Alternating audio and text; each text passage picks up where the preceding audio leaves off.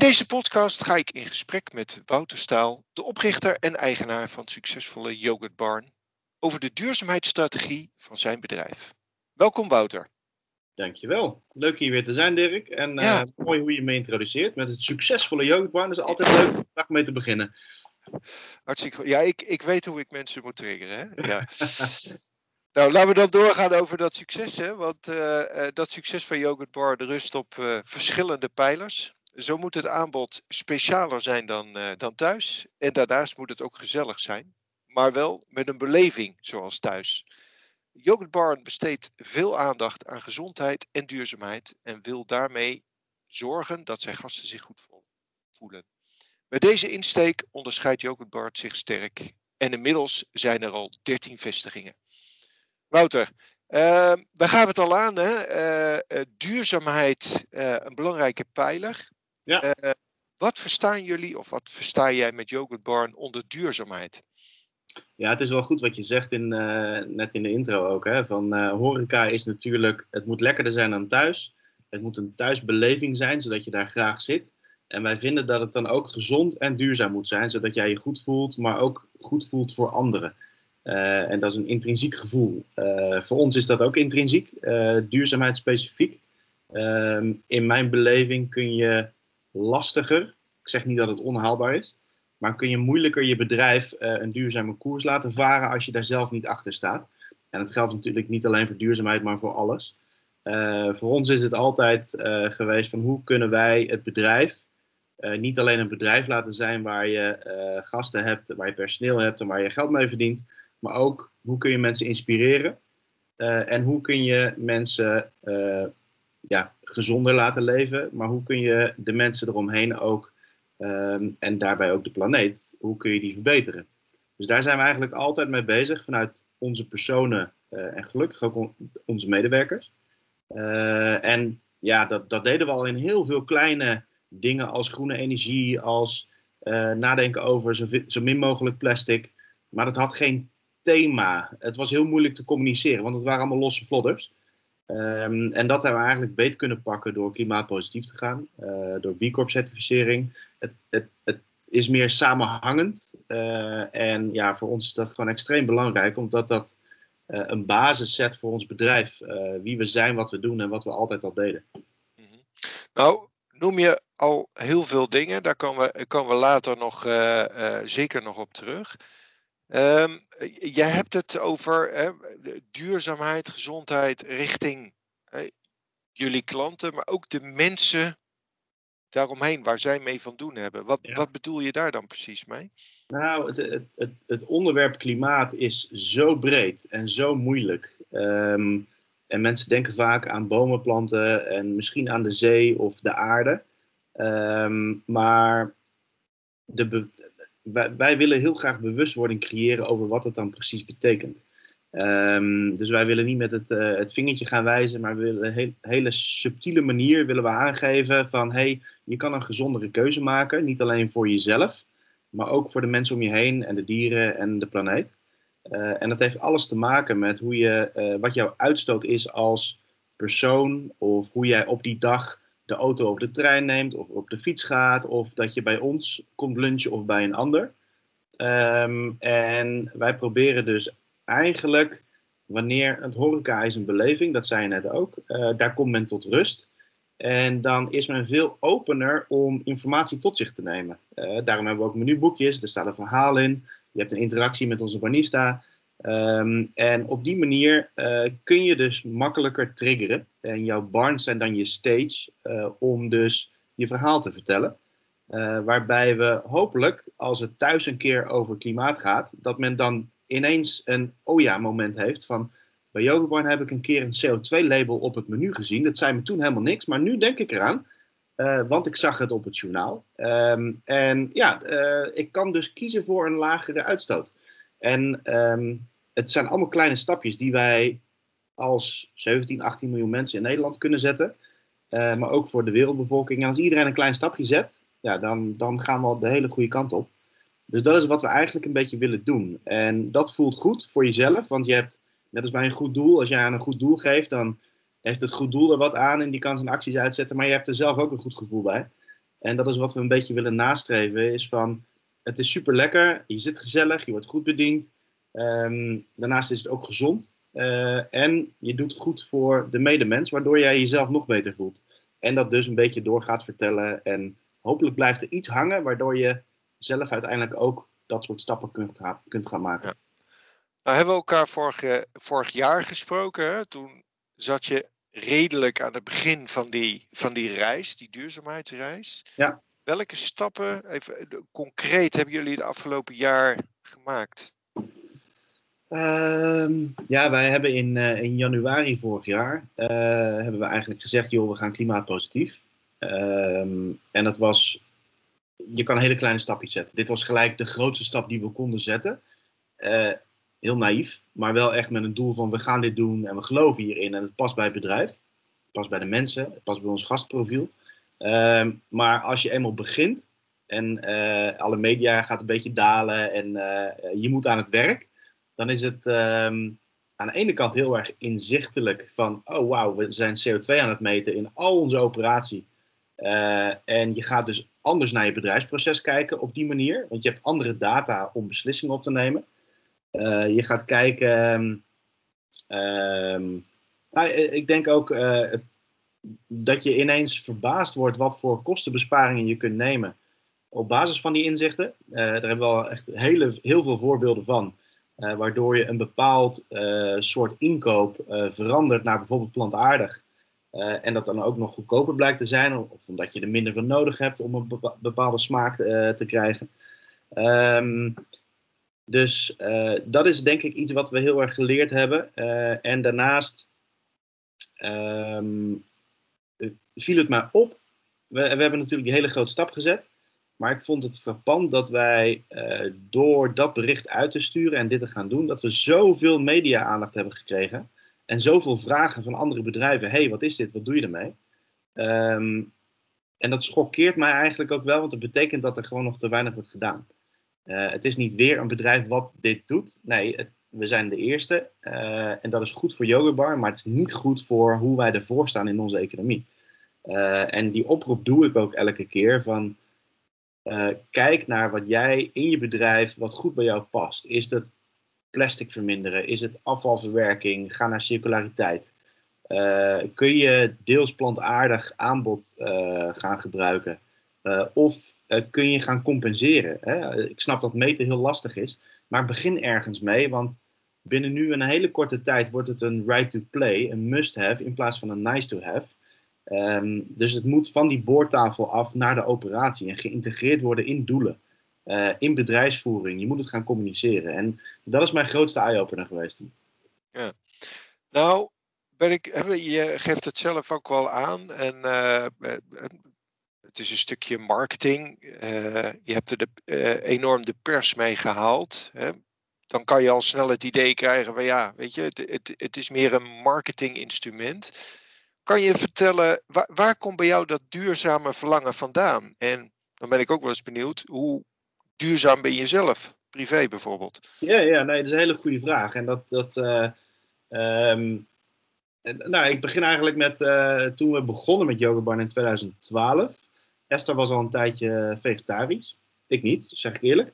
Um, en toen we producten van uh, dieren, zuivel, gingen afnemen, was het voor ons, en vooral van, vanuit Esther, uh, de motivatie van als we zuivel gaan gebruiken van dieren, dan moet dat biologisch zijn. Uh, dat is het beste wat we dan in ieder geval kunnen doen. Um, en langzamerhand merken we ook dat dat meer naar plantaardig gaat. Uh, ik ben voor, begin vorig jaar ook vegetarisch geworden. En we zijn nu zelf vanaf januari ook de switch met de Veggie Challenge van Proveg naar, naar vegan aan het gaan. Dus geen kaas meer op brood.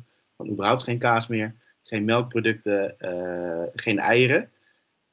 Dat, dat is nog enigszins te doen. En dan hebben we nog een stapje te gaan met alle ingrediënten in, in, uh, in andere producten. Um, maar uh, ja, voor ons is het een, een motivatie van, joh, we, we hebben de afgelopen jaren zo aangekloot. en alles gaat om winst. en dan heb ik het over de maatschappij in het algemeen. Maar het gaat over een veel breder draagvlak dan alleen geld verdienen. Uh, en als je de, Netflix documentaires bekijkt. Ik heb net uh, Seaspiracy gezien, echt een aanrader. Als je die kijkt, eet je nooit meer vis, gegarandeerd. Ehm, er moet systematisch iets veranderen. Uh, we moeten andere prijzen betalen. Uh, we moeten op een andere manier met grond en verbouwen omgaan. Het moet lokaler. Um, en voor mij is dat altijd al iets geweest van als ik een bedrijf start, dan moet ik uiteindelijk, als, ik mij, als mijn kinderen mij vragen, joh, hey Yoga superleuk, maar waarom doe je dat eigenlijk? Dat je dan niet met je mond vol tanden staat van ja, zodat jullie kunnen studeren. Nee, om de wereld een stukje beter te maken. Dat is voor mij altijd de motivatie geweest.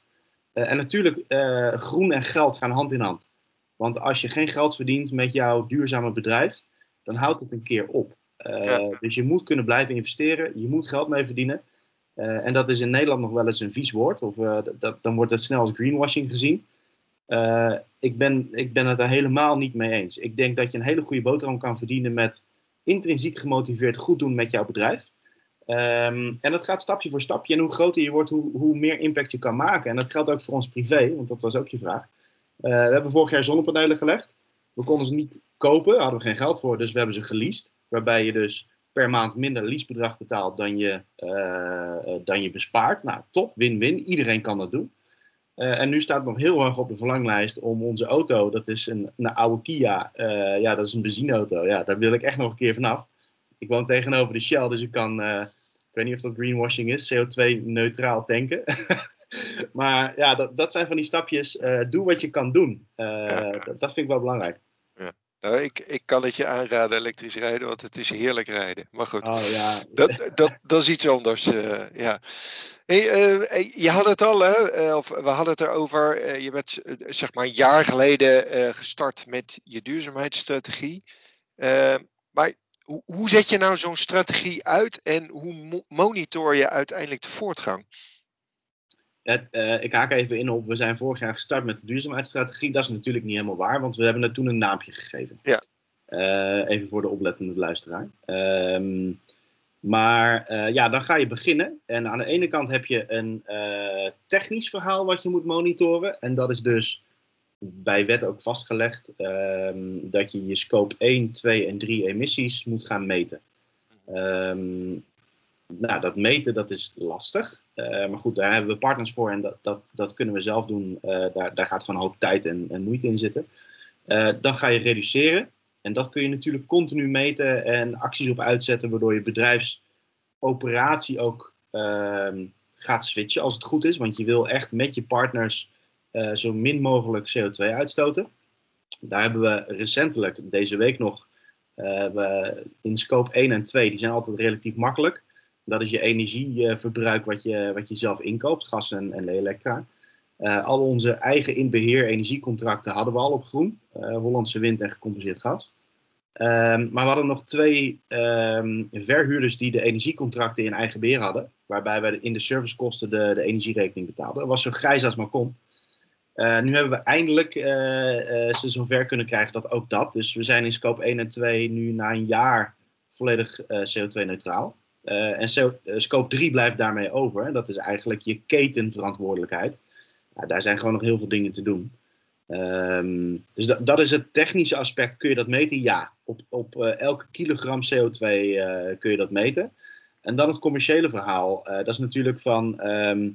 Uh, aan de ene kant heb je je B2B stakeholders, dat is de media, dat zijn je partners, dat zijn je, je, je groeipartners, je financierders, et cetera.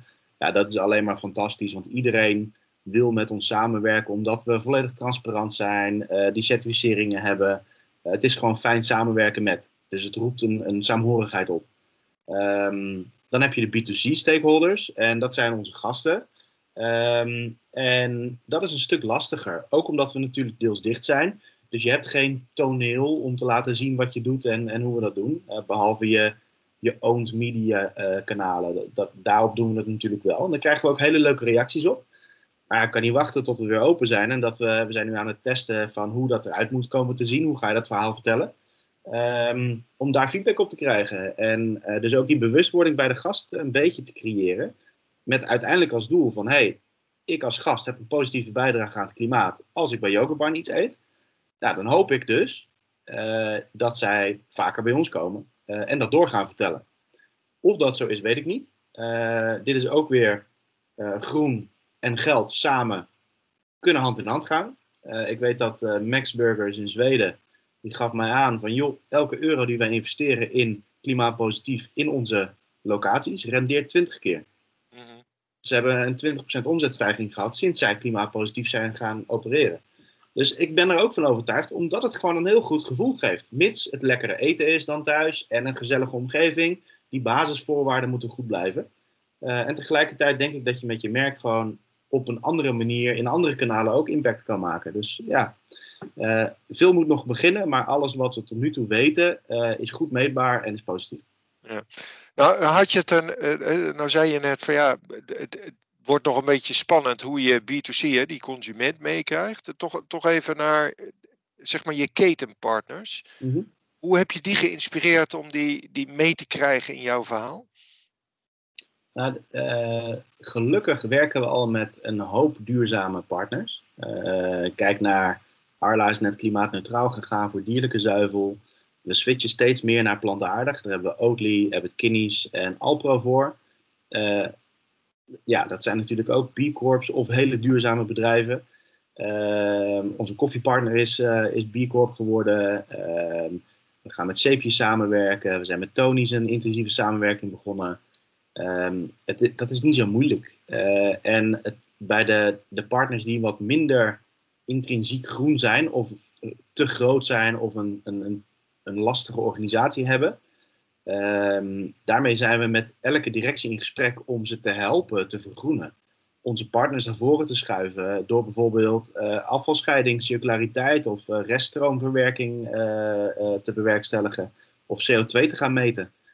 dus ik merk overal dat de vraag in ieder geval komt. of ze zijn het al en dan kunnen we samensparren. of ze willen heel graag en ze hebben hulp nodig en die bied ik graag. Dus ja. Ehm, ja, zo moet je het toch doen. En zo kun je de keten verduurzamen. Oké, nou, klinkt heel mooi. Jullie hebben het afgelopen jaar eh, toch wel een hele bijzondere landmark gehaald. Jullie zijn namelijk B Corp, eerste ja. Horecabedrijf dat het B Corp certificaat heeft. kan je vertellen, wat, wat, wat houdt dat precies in? Um, ja, ik vergelijk het altijd een beetje met de due diligence van goed doen. Um, dus je hebt uh, in overnametrajecten of samenwerkingstrajecten, dan wordt je, helemaal, je bedrijf helemaal doorgelicht van, joh, kloppen de cijfers wel wat je zegt? dus er wordt elke steen opgelicht, voornamelijk financieel en contractueel. Dat gebeurt bij het B Corp assessment traject ook, maar dan op nog veel meer vlakken. Dus er wordt op allerlei manieren gekeken naar hoe ben jij duurzaam met je personeel, hoe ben je duurzaam met je inkoop en je partners, hoe ben je duurzaam op environment, je scope 1, 2 en 3. Um, ehm, alles wordt bekeken en overal moet jij uh, feitelijk bewijs voor aanleveren. En ook nog in dialoog uh, uitleg geven waarom je dit doet en hoe je dit blijft doen. Uh, dus je wordt volledig verantwoordelijk gesteld over jouw bedrijfsvoering um, op letterlijk alles. Um, dus het is heel erg rigoureus. Het is ook niet zomaar even gedaan. Um, de vragenlijst zelf, als je daarmee gaat beginnen, dat is vrij toegankelijk. Dus iedereen, jij en ik, kunnen, ook al hoeven we ons niet te certificeren, kunnen vrij die vragen invullen. Heel veel leren van andere bedrijven en de vraagstelling over hoe ik mijn supply chain moet inrichten op een duurzame manier. Of hoe ik op een duurzame manier met mijn personeelsbeleid om moet gaan. Um, maar daarna begint het pas als je die vraag hebt ingevuld. Want dan moet je dus uh, alles gaan onderbouwen. Ehm, maar dus, wij hebben daar heel veel van geleerd op die manier van, oh ja, een supplier code of conduct. Dus hoe wij de jaargesprekken aangaan, wat wij van onze partners verwachten, hadden wij niet. Uh, hebben we gemaakt op basis van de, de input van B Corp. En die gesprekken zijn gewoon veel diepgaander, uh, waardoor we dus elkaar kunnen helpen om de keten te verduurzamen. Um, dus ja, B Corp uh, is een duurzaamheidskenmerk, vergelijkbaar met een ISO-certificering. Ik denk net zo intensief, waarbij je hele organisatie in staat moet zijn om dat te bewijzen. En je moet dat ook met je hele organisatie. Het is een, een mind, mindset. je moet ook weer daarin intrinsiek gemotiveerd zijn om het te doen. en het is een cultuurshift, je DNA, dat moet je dus met je personeel gaan uitdragen. Um, dus uh, ja, het, het, het, paste al bij ons. We hebben niet heel veel hoeven aan te passen of moeten aanscherpen. en nu moeten we het volhouden. En elke drie jaar worden we opnieuw gecertificeerd. En is het doel natuurlijk om weer verbeteringen door te voeren. Ja. Wat mij triggert, hè? je zei van je kan je laten inspireren door andere bedrijven. Hoe werkt zoiets dan? Er is een hele community van uh, nou, Benelux, in dit geval B Corp bedrijven. Dat zijn er 120 even uit mijn hoofd. Ehm, en B Corp is niet alleen een certificaat, dat is ook een netwerk van bedrijven. Dus je hebt een, uh, een Beehive bijvoorbeeld, of B-Work, dat is een uh, vacaturebank voor B Corp bedrijven. Het is ook echt een HR-tool namelijk, want die jeugd van tegenwoordig wil graag bij een bedrijf werken wat zich duurzaam inzet. Nou, dan kijk je naar B Corp. Ehm, maar er is een hele community met een soort van intranet waar je je vragen kan stellen waar je tegenaan loopt. Of Ehm, een samenwerking met een andere B Corp. Normaal gesproken dan heb je een heel ik leer elkaar kennen traject. Dat is nu eigenlijk niet meer nodig, omdat B Corp die due, diligence heeft gedaan. Je weet dat het een goed bedrijf is, dus dat je wat minder op papier hoeft te zetten. Ehm, dus dat helpt al heel erg. Dus het is echt een, uh, het trekt naar elkaar toe. Uh, je wil graag met elkaar samenwerken. Ja, even, even los daarvan. Hè? Dus je, je, je, geeft aan van het zit in een bepaalde community. Dus je kan met elkaar ervaringen delen. Het, het, het is een soort keurmerk voor, voor mensen die, hè, voor, voor jeugd die op zoek is naar een interessante baan. Wat, wat, wat brengt zo'n label je nog meer? Zo'n certificaat, ja. Uh, nou, voor ons is het, we hebben natuurlijk een, eh, een, een groei- en impactdoelstelling. En dat is dat we in andere kanalen en ook naar andere landen toe willen. Uh, met een B Corp certificaat. Uh, nou, bijvoorbeeld, we zouden heel graag naar Scandinavië willen. We zien daar echt een mogelijkheid, ook als duurzame regio, om uh, daar zowel qua onze core business van nu, horeca, maar ook met productontwikkeling en in, in food retail en food service, om daar het merk te gaan bouwen. Maar uh, stel, ik kom daar in gesprek met een, uh, een, master franchise operator. Die zegt, ja leuk, maar uh, wie is Yoghurtbarn? maar met een B Corp certificaat is het veel makkelijker dat gesprek starten. Omdat zij weten, oh, zij zijn serieus. Het is niet zomaar een start-up. dus dat bedoel ik met die B2B stakeholders. Dat soort gesprekken gaan zoveel makkelijker. Elke deur wordt geopend. Dus je komt in ieder geval op gesprek. Met een positieve grondhouding. Ja, oké. Ja. Dat, uh, maar uh, jij, jij, geeft, of tenminste als ik jou zo hoor, hè, dan denk je van goh, het, uh, dus redelijk soepel proces bij ons geweest hè, om, om, om dat predicaat B Corp te verkrijgen. Maar vertel eens, waar, waar ben je de afle waar ben je in dat proces tegenaan gelopen? Wat, wat, ja, wat heeft wel problemen opgeleverd? Ja, nou zeker. Want um, je, je hebt eigenlijk, wij zitten een beetje tussen start-up en, en corporate in. Ehm, en, maar ik geef even de voorbeelden van een start-up en een corporate. Uh, stel, ik ben een start-up en ik ben met, met, met een paar mensen om me heen. En ik moet al die informatie gaan aanleveren of beantwoorden. Dan zit heel veel in jouw eigen hoofd. Maar je hebt echt geen tijd en, of geen kunde om zo'n B Corp assessment te doen. Dat is echt lastig. Um, een corporate die heeft alle informatie, maar verdeeld over alle afdelingen en heel veel mensen. Dus dan is het misschien nog wel moeilijker. Dus respect aan alle grote bedrijven die B Corp zijn. Uh, dan heb je echt heel veel werk moeten verrichten. En tegelijkertijd moet je daarna een cultuur van B Corp integreren in jouw organisatie. Dat is lastig. Wij zaten daartussenin, dus met een handjevol mensen konden wij eigenlijk vrij gemakkelijk uh, alle informatie uh, verzamelen. Maar waar wij tegenaan liepen was dat heel veel, heel veel, ik denk dat de helft op papier stond en de andere helft nog niet. Um, dus dit was voor ons ook een manier om juist die processen te optimaliseren. Um, of om uh, processen die we al wel in de basis op papier hadden, uitgebreider op papier te zetten. Uh, een voorbeeld daarvan was bijvoorbeeld Barn Benefits voor onze medewerkers. We hebben een horeca-CAO, uh, daar betalen we naar, maar ja, dat is niet heel veel. Uh, als je telemarketing gaat doen, verdien je meer, bij wijze van. Uh, maar goed, wij kunnen wel liefde, energie en tijd daarin stoppen. Dus wij hebben met al onze groene partners hebben we gezegd, joh, al onze medewerkers, om en bij de 200, 250, die uh, na hun onboarding traject krijgen toegang tot die benefits. Nou, dat is korting op fitness, korting op swapfiets, korting op groene energie, ehm, korting op allerlei trainingen. Nou, echt heel erg passend bij een student die ook in je DNA groen wil doen. dat hebben we daar uitgehaald. We hadden een paar basisdingen liggen op basis van de vragenlijst zijn we geïnspireerd, zijn we dat verder gaan uitrollen.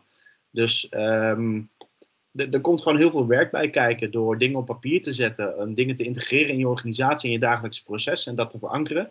Ehm, maar we waren daar wel open voor. En we waren niet te groot om uh, moeilijke informatie boven tafel te halen. En we waren niet te klein om het niet te kunnen. Ja. Uh, Wouter, ik ben wel eens benieuwd hoe jij daar nou tegenaan. Je hebt het al een aantal keer tijdens dit gesprek geroepen. Hè? Uh, um, jullie duurzaamheidspredicaat B Corp ge geeft je ingangen in andere kanalen. je verwacht ook dat het, je, dat het omzet gaat opleveren toch als ik veel bedrijven spreek in de sector, dan zijn ze eigenlijk toch wel heel bang van ja, weet je, duurzaamheid zien we eigenlijk als een kostenpost. Uh, gisteren bijvoorbeeld is er nog een hele discussie in de, was er in de pers over Danone, hè, waar de, ja. zeg maar de topman aan de kant is gezet. Ja, ja precies, om, omdat juist die die uh, kapitalistische private equity bedrijven eigenlijk alleen maar gaan voor, voor korte termijn gewin. Hoe kijk jij daar tegenaan en wat zou jij tegen deze wat sceptische mensen willen zeggen? Nou, in eerste instantie is het uh, kostenverhogend. Aan de ene kant wel en aan de andere kant niet. Uh, wat ik aangaf is van er gaat veel tijd en moeite in zitten. Dus ik moet mijn CO2 meten. Ik moet geld uh, stoppen in uh, nou, de uren daarvan. Ik moet bedrijven inzetten die mijn CO2-footprint meten, wat wij zelf niet kunnen. in scope 3 bijvoorbeeld. ik moet naar groene energie, het is altijd een paar cent duurder dan grijs. Um, ik moet gaan compenseren, of wij willen compenseren. dus alles wat overblijft gaan we met 110% compenseren. Dan moet ik CO2-certificaten verkopen. Kost ook geld. Um, en dat zet je dan naast mijn, mijn eigen energie en, en tijd dat het kost, uh, ga ik tegenover de voordelen zetten. Uh, en dat is dus wat ik net aangaf. Het geeft heel veel mogelijkheden die je anders niet had gehad. Je gaat op een andere manier naar je bedrijfsproces kijken, waardoor wij kostenbesparend kunnen werken. Echt significant kostenbesparend. Ehm, tegelijkertijd heeft het een, een DNA-hulp, zeg maar, waardoor jouw bedrijf, je personeel veel meer gemotiveerd is om voor jou en met jou te werken. En veel meer mensen willen bij jou werken. Dus je, je, je hoeft niet meer te investeren in HR om mensen aan te trekken. Uh, en je hebt een mooie HR-tool om mensen te enthousiasmeren. Dat zijn de voordelen. Um, en ja, voor mij zijn die voordelen veel belangrijker dan de nadelen. Of nadelen, de kosten. Um, en ik denk dat een bedrijf op de lange termijn die voordelen nodig heeft en anders op een hele platte manier geld in moet gaan stoppen om dichtbij te gaan komen qua resultaat. Dus voor mij is duurzaam ondernemen niet alleen groen ondernemen, maar ook op de lange termijn jouw bedrijf zeker stellen en zorgen dat er genoeg innovatieve kracht is, genoeg uh, mensen bij jou willen werken, dat er genoeg gasten bij jou willen afnemen en dat het verhaal klopt. Uh, en duurzaamheid is gewoon zo'n mooie ja, tool is het niet. Uh, maar het is zo'n mooie manier om, om dat te realiseren. En ik denk dat Danone het moeilijk heeft gehad om dat over de bühne te krijgen. Richting consument. Want ook weer hier, de B2B stakeholders wisten het allemaal. Maar de consument misschien te weinig. Of niet snel genoeg. Waardoor de korte termijn resultaten in verhouding met de moeite in duurzaamheid, groene duurzaamheid, B Corp, uh, niet genoeg in ratio, in balans waren. En dat dat zijn kop heeft gekost. Maar ik vind het zo korte termijn, want die, die private equity eh, partijen die zullen over drie jaar misschien geen aandeelhouder meer zijn. Maar het bedrijf is er over drie jaar nog. Ja, ja eens. Ik ben het helemaal met je eens. Ik uh, was deze week was ik in uh, Goor bij de, uh, of all places, maar bij de meest duurzame supermarkt in Jumbo van de broers Leusink. Ehm, het is oost de moeite waard om daar een keer te gaan kijken. Maar zij zeiden ook hè, van op een gegeven ogenblik wordt duurzaamheid ook een soort verslaving. Zie jij dat ook, zie jij dat ook zo? Ja, nee, daar kan ik me helemaal in vinden. Uh, het was voor mij een doorn in het oog dat we in scope 1 en 2 nog uitstoot hadden. Dat was 9% van het geheel in 2020. Nou, dat hebben we nu dan uh, deze maand naar nul kunnen terugbrengen door over te schakelen op groen. Um, ja joh, nee, we zijn nu met, met projecten bezig om... We doen aardig wat gebak normaal gesproken. Nou, zit biologische boter in, biologische eieren. We zijn nu met, met Upfield en Hutten bezig om ehm, de kracht van Upfield in plantaardig bakken.